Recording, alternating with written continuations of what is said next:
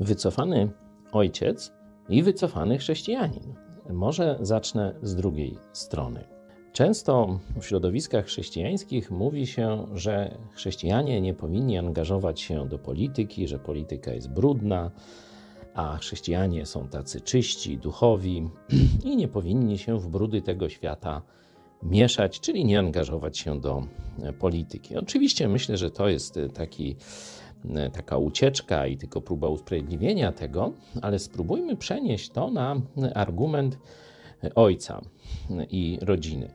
E, właśnie taki wycofany, nieangażujący się ojciec jest jednym z przekleństw naszych czasów, że człowiek, który zostawia wszystko na barkach żony, gdzieś ucieka, gdzieś idzie w swój świat, w jakieś hobby czy w pracę, a żona ma się ze wszystkimi problemami, głównie z dziećmi i prowadzeniem domu, ma się sama jakoś y, w tym ogarniać, no mm, jest, y, tu chrześcijanie się zgadzają, jest czymś złym, nie? czyli że, że ojciec chrześcijanin, no to powinien dbać o dom, e, powinien tam naprawić dach, powinien postawić płot, zamek w furtce, naprawić i, i tak dalej, i tak dalej.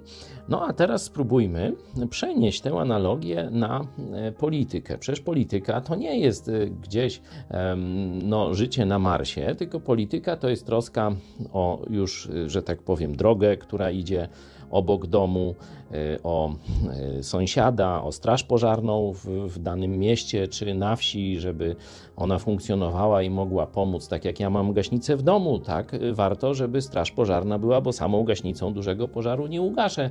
Potrzebujemy pewnych działań wspólnych i to jest właśnie polityka. Także chrześcijanin, który mówi, że on się nie angażuje w sprawy swojego miasta, swojego państwa, to jest dla mnie takim samym negatywnym typem jak ojciec, który nie angażuje się w sprawy swojej rodziny. Bardzo proszę tych chrześcijan, którzy powielają takie bzdury, żeby rozważyli ten argument. Pozdrawiam.